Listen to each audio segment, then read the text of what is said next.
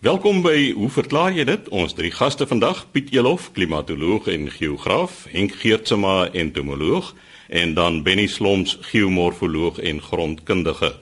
Benny, ons begin juis by jou oor grond, ysterklorose op kalkryke grond. Dankie Chris. Die vraag klink ingewikkeld soos jy nou daar gestel het, maar dit is 'n vry algemene probleem wat ons het in sekere dele van die land. Ek het 'n brief gekry van Johan Stein van Kaapstad en hy skryf as volg: Ek ry gereeld deur die Breë Riviervallei op pad na die Klein Karoo. Nou gedurende die somermaande let hy op dat van die perske en appelkoesbome langs die pad, dit is nou tussen Ashton en Robertson, vertoon geel. En hierdie geel verkleuring geskied nie oor die hele boot nie, maar dit is sulke kolle in die boot wat so geel verkleur. Nou Johan, die probleem hier is yster tekort in die bome wat vir jou hierdie vergeling gee. Nou die optimum pH vir kern- en steenvrugte lê so tussen 6 en 6,5 gemeet in kalsiumkloried. Nou buite hierdie grense kan 'n mens tekorte en ook toksisiteite verwag. Nou, die eerste gedagte wat by 'n mens opkom as jy hierdie vergeling sien by vrugtebome, is dat daar 'n stikstoftekort is.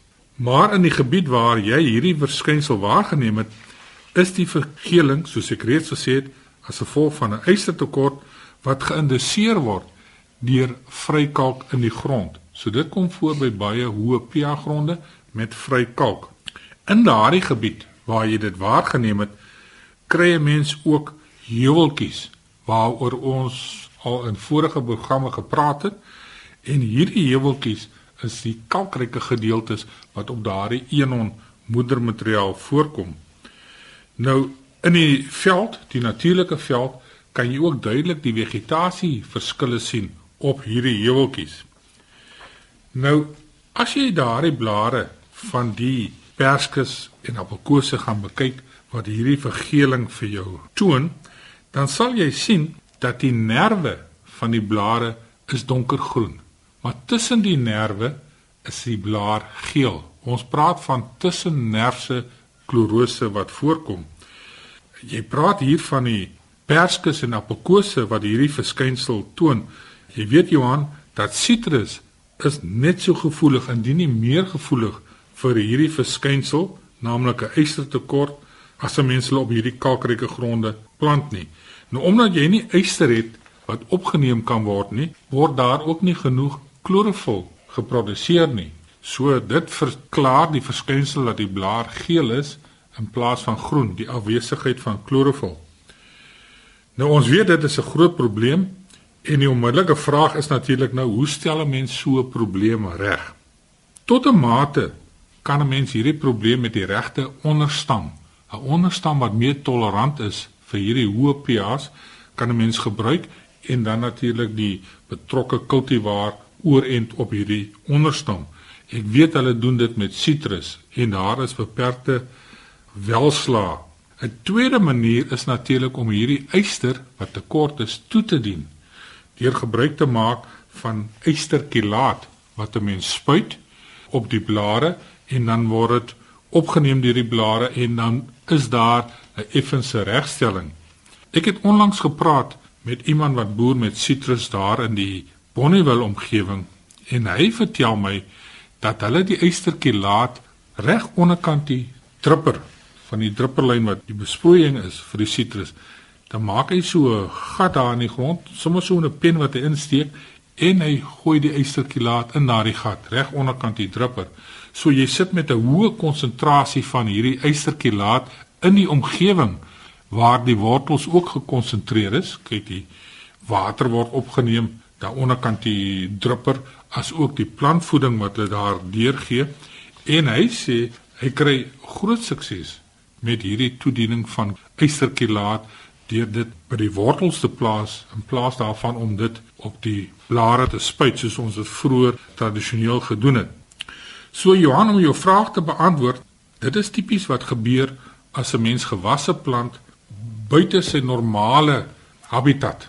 Citrus is 'n subtropiese gewas Normaalweg plante mense dit in die hoër reënvalgebiede, soos by ons in die Laagveld waar eintlik verbou moet word. Sodra jy na die droër gebiede toe kom waar vry kalk voorkom, dan kry mens hierdie geïnduseerde tekorte wat dit 'n bietjie moeiliker maak om mee te boer, maar wees bedag daarop. Gebruik die regte onderstamme en gebruik die regstelling met eysterkilate. Benny, interessant dat jy nou na die sitrus verwys het. Ek het 'n uh, suurlemoenboom, die Eureka cultivar, en aanvanklik was sy blare pragtig groen geweest. En goed, ek is so uh, ongeveer 'n kilometer van die see af daar in die sandgrond in Blouberg se omgewing. En toe het hy begin om hierdie geel, daar's geen fout met die drag van die hoeveelheid vrugte elke jaar nie. Hy dra hom byna dood maar hy het net nie meer hierdie pragtige groen kleur aan die blare nie. Kan dit wees dat hy die grond mettertyd uitgeput het dan? Chris, die eerste ding wat ek sou doen as ek jy was, is om 'n grondmonster te neem en kyk of jy op die kalkryke sande is teen die kus. Jy sê 'n kilometer, dis 'n 1000 meter van die see af en of jy al diep genoeg in die binneland is waar daardie kalk uitgewas is en jy op 'n suurgrond jou suurlemoen geplant het. So indien dit 'n kalkryke sand is, dan is dit die probleem wat jy het, 'n wesenlike ystertekort wat geïnduseer word deur die hoë pH. Indien jou grond se pH reg is, met ander woorde die kalk is al uitgewas, jy sit met 'n suurgrond, dan het jy 'n stikstoftekort, stikstof en of magnesium en dit kan 'n mens maklik regstel. Maar mens sal eers met sekerheid kan sê indien jy 'n grondmonster neem laat ons sien wat is die situasie by jou suurlemoen. Die geel blare sê vir ons baie duidelik daar is 'n tekort. Jy sal iets moet doen daarso om hom weer sy normale donkergroen kleur te gee en dit sal natuurlik ook help om daardie klomp suurlemoene wat hy dra ordentlik groot te maak. Ja, dit moet ek nogal byvoeg. Die suurlemoene is nie heeltemal so groot meer soos wat dit oorspronklik was nie. Dit dan Benny Sloms, ons geomorfoloog en grondkundige en Henk, jy het 'n vraag ontvang oor grondperels, maar dis nou nie perels wat 'n mens as juwele kan beskou seker nie. Ja, ek het 'n brief gekry van Henk Vermeulen. Hy sê hy is 'n boerling van KwaZulu-Natal. Hy is al 20 jaar in die Weskaap woonagtig in Aftreeoord. Nou hy is 'n tuinboukundige en dis iets wat hom lankal prikkel en hy het 'n paar pragtige foto's aangestuur van een of ander wurmpie, ruspe of so iets se eiertjies wat in sy potplant se grond voorkom. Nou hy sê hy gebruik net die beste onkruidvrye grond en kompos. Nou ek wil sommer net hierso kommentaar op lewer. Wees maar versigtig vir hierdie onkruidvrye grond en kompos wat mense by winkelsentrums koop. Is nie altyd so skoon as wat mense dink nie. Maar nou sê hy Met die kere wat ek die potte met oorplant of vermeerder, kom hy altyd op die eiertjies in die grond af. As mens dit pap druk, is daar 'n wit melkerige vloeistof of soms amper iets wat soos 'n papie en 'n doppie lyk. Daar's letterlik 50 tot 60 van die goedjies in 'n 2 tot 3 liter houer en daar kom geen noemenswaardige vernieling by die plante voor nie. Hy's raadop en hy moet my siel tot rus bring oor die goed. Nou dit is ons taak om die mense se siele tot rus te bring. Hy sê nog nooit in die boergrond van sy tuin agtergekom nie, behalwe as hy die plante uit die potte direk in die grond plant. Nou sê hy weer aangeheg van die, die fotos van hierdie goedjies en verklaar dit asseblief. Nou meneer Vermeulen, toe ek hierdie brief die eerste keer sien, het onmiddellik by my in gedagte gekom die eiers van slakke. Maar toe ek na die fotos kyk, sien ek dat die waar die slakkeiertjies is deurskynend, jelly-agtig en waterig. Jy sê dan die eiers word gedruk en dan kom dit gillerig uit. Toe ek uh, bevind maar dit is nie slakeiertjies nie, maar dis wel eiers van grondperels. Nou grondperels is die foto wat hy het, wys dat die grondperels wat hy daar het, is sulke klein eieragtige strukture, net so groot soos 'n vuurtjie koppie, want hy het dit gebruik as 'n vergelykende maatstaf op die fotos. Nou, grondperels is baie naby verwant aan dopluise. Dit klink baie snaaks, behoort tot die familie Margerodidae. Nou, die groep Margerodidae, die grondperels is inheems tot Suid-Afrika. Nou baie soorte kom voor op wingerde byvoorbeeld. So ons het Margerodus capensis wat hierso in die Maans by die Woester omgewing voorkom. Margerodus greeni wat in die wingerde in Piketberg, Mansbury, Stellenbosch, Woester, Robertson, Vredendal voorkom. Margrodus trimenae in die Parel, Slanghoekvallei. Dan Margrodus fredendalensis, so ek hoef nie te sê waar dit voorkom nie. En dan Margrodus priscayensis wat dan in die Oranje riviervallei in die Noord-Kaap voorkom. Dit is ook by tafeldruifproduserende streke naby Lepelale en Groblersdal in Mabelhol in die noorde van Suid-Afrika aangetref. Nou hierdie groepe kom almal op wingerde voor. Met ander woorde, wat baie interessant is natuurlik dat die wingerde druiwe is eintlik uitheems tot Suid-Afrika. Hulle is beperk tot ons druiwe hierso. Nou, die eiertjies word gelê en dan as die kleintjies uit die eiers uitbroei, nou die eiers is natuurlik nie die grondperels nie, baie kleiner. Dan kruip die klein larwetjie uit en hy het pote en dan kruip dit in die grond na die plantwortels toe. Dan begin dit die sap suig uit die plantwortel uit en soos dit groei, vorm dit waslaggies oor die wat ons noem 'n nimf, sogenaamde onvolwasse margrodes. En dan vorm dit onbeweeglike siste, want dit is wat grondperels eintlik is, 'n siste. Nou, die grootte van die sisters wissel. In greenie is dit tot 2 mm, terwyl by priskensis tot 6 mm. Priskensis is die groot ene by ons. Nou die volwassenes self, die wyfies is witgeel en het goed ontwikkelde pote en kruip dan uit die grond uit van waar die nimf sogenaamd verpop het, volwasse geraak het, kruip dit na die boogrond toe. Dan skei dit dan feromone af om dan die mannetjies te lok. Nou die interessante ding is mannetjies is nog net by Margrodus prescensus gevind omdat dit so groot grondperl is. Nog nooit gevind by die ander nie.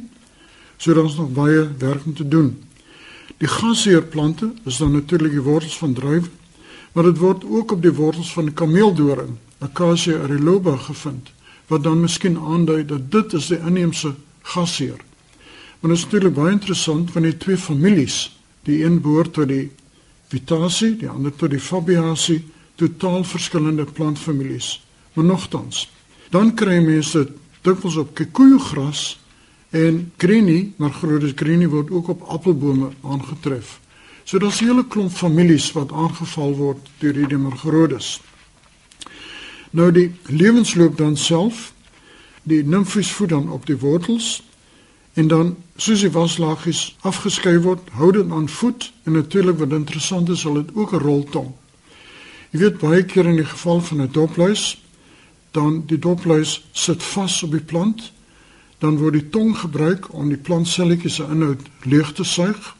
En dan soos die plantselletjies leeg gesuig is, dan rol die tong of stoot die tong verder dieper in die plantgewas in om die ander selle by te kom.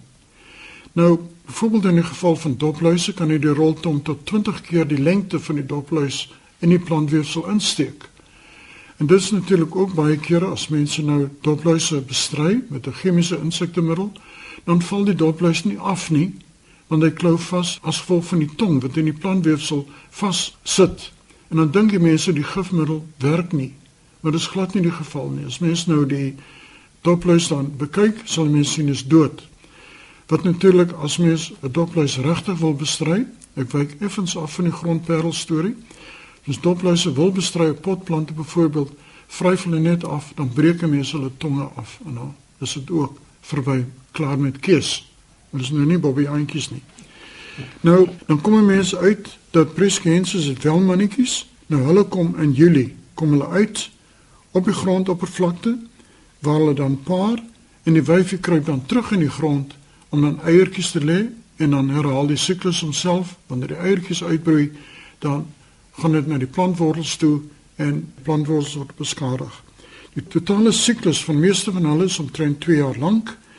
Maar ongelukkig meneer Vermeulen, slegte nuus vir u, daar's geen natuurlike vyande bekend nie en daar's ook geregistreerde insekdoders vir hulle nie. Maar nou kry mense 'n ander soort, die goue parel het nou te doen duidelik met margrodes, die wingerd margrodes, maar mense kry ook in wat goud is, wat lyk soos perlemoen amper die parels. Nou hulle kom voor in sanderige grond, ook in Suider-Afrika. Die wyfies het ook graafpote, maar die wyfies is skaars, die mannetjies skaars en gevleueld. Nou hulle val somergewasse aan, soos graan, maar veral op fynkweek. As jy nou in die tuin 'n bietjie fynkweek het, ook in die Weskaap, as jy dit uitspit, sal jy die grondpereltjies kan sien. Nou, suikerriet word aangeval, mielies en weidinggewasse. Dis natuurlik nou alles poasie, die grasgewasse self. Die nimfe daar voed dan op wortels en in die geval van weiding verlep die gras baie vinnig omdat die sap wat uit die wortels uitgetrek en omdat dit in die somer is word dit nie baie gou aangeval met reën en so aan nie. En sê daar en ons vermoed eintlik dat van hierdie margarodes soos baie dopluise skei eintlik 'n toksien af wat giftig is vir die plant wat die plant laat vergeel, verwelk en later laat doodgaan. En die familie nogtans baie dankie, pragtige foto's en dankie vir die inligting wat jy vir my kon deurstuur. Henk het nou gesê hulle het geen natuurlike vyande hier in Suid-Afrika nie. Op watter manier kan 'n mens dan ontslaa raak van hulle? Die ding is as 'n mens nie plante kweek wat nie vatbaar is vir hulle nie. So met ander woorde, men die familie moet net nie 'n lelie of 'n ding wat naby 'n grasverwante ding is, plant in die potte nie. Maar die ding is soos u dit beskryf, u koop dit met die potgrond.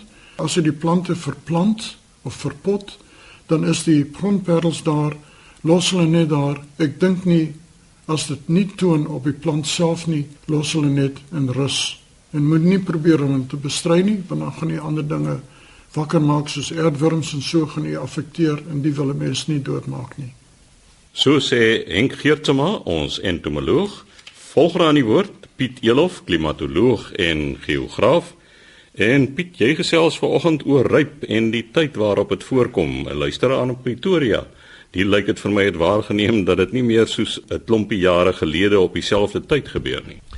Ja, dankie Chris en uh Henk ek wil daarom ook net vir jou sê die inligting wat jy nou vir ons deurgegee het laat my net weer eens dink dat daar soveel aspekte in die natuur is as jy net fyn genoeg kyk om hierdie goed te identifiseer en te probeer uitvind wat daarmee aangaan.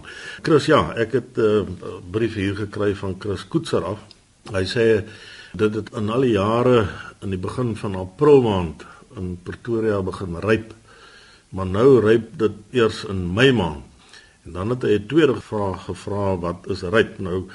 Chris, ek wil net vir jou sê die feit dat dit nie noodwendig elke jaar in April maand ryp nie, maak eintlik ook vir my sin in die opsig dat die weer is veranderlik die weerstelsels wat vir ons uiteindelik die koue bring wat ryp meebring die verander van maand tot maand of van jaar tot jaar en ek wil amper sê van eeu tot eeu. Dit is langtermyn siklusse wat betrokke is. Ons hier in die Wes-Kaap sê ja, met Paasnaweek begin dit reën. Ons dikwels reën oor 'n Paasnaweek, maar as dit dan nie gebeur nie, is dit ook nie die einde van die wêreld nie. Dan geniet die mense die weer in die paasnaweek wat dan nou nie met reën gepaard gaan nie. So ek dink nie jy moet te veel bekommerd wees nie die feit dat dit in die laaste paar jaar of jy het nou nie vir my aanduiding gegee van hoeveel jaar jy van melding maak dat dit nou eers in Mei maand ryp nie. Dit is maar langtermyn siklusse wat in ons weer en ons klimaat voorkom.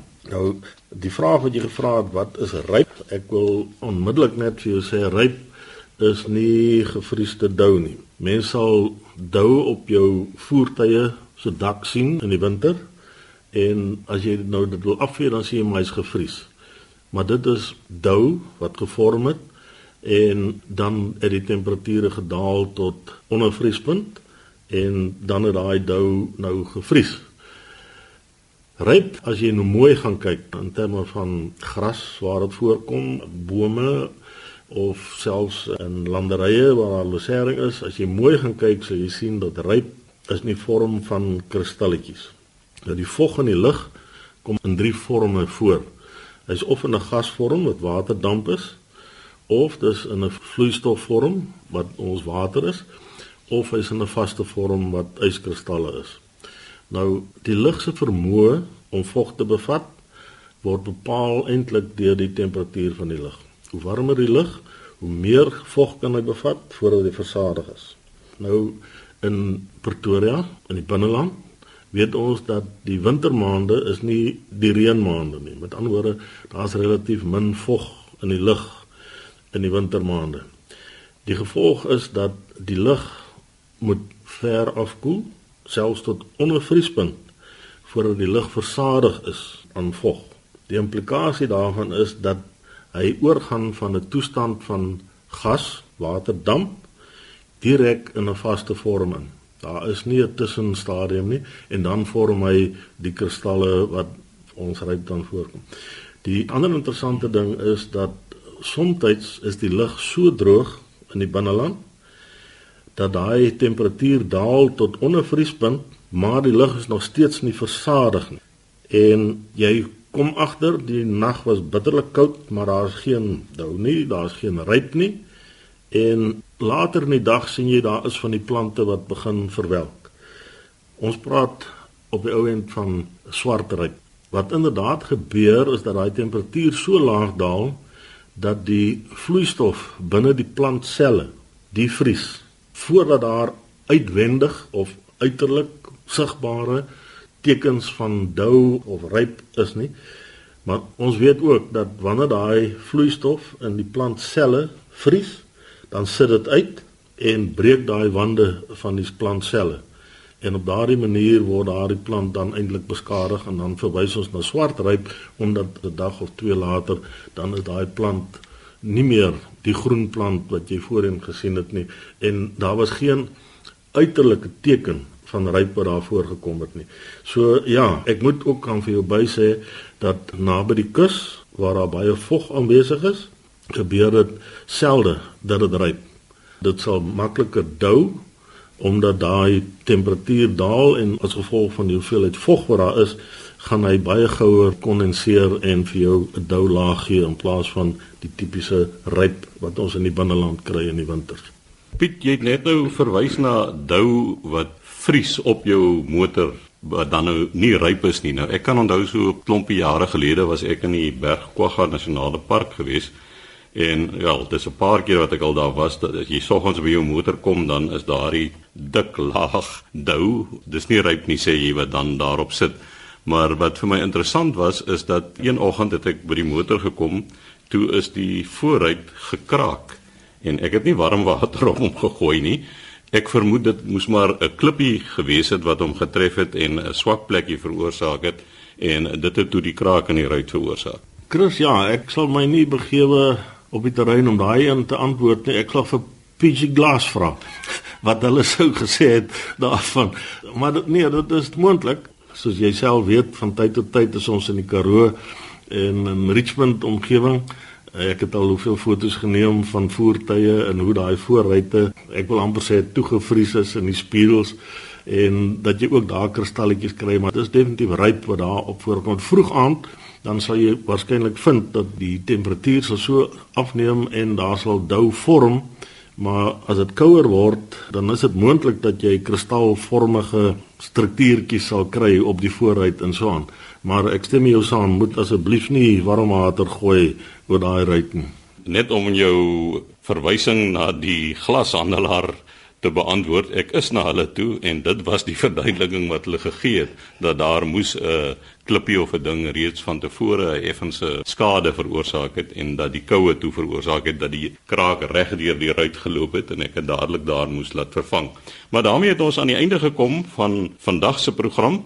Ons drie spanlede was Piet Elof, klimatoloog en geograaf, Henk Geertsma, entomoloog en Benny Sloms, geomorfoloog en grondkundige.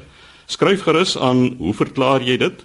Posbus 2551 Kaapstad 8000 of stuur dit aan chris by rsg.co.za.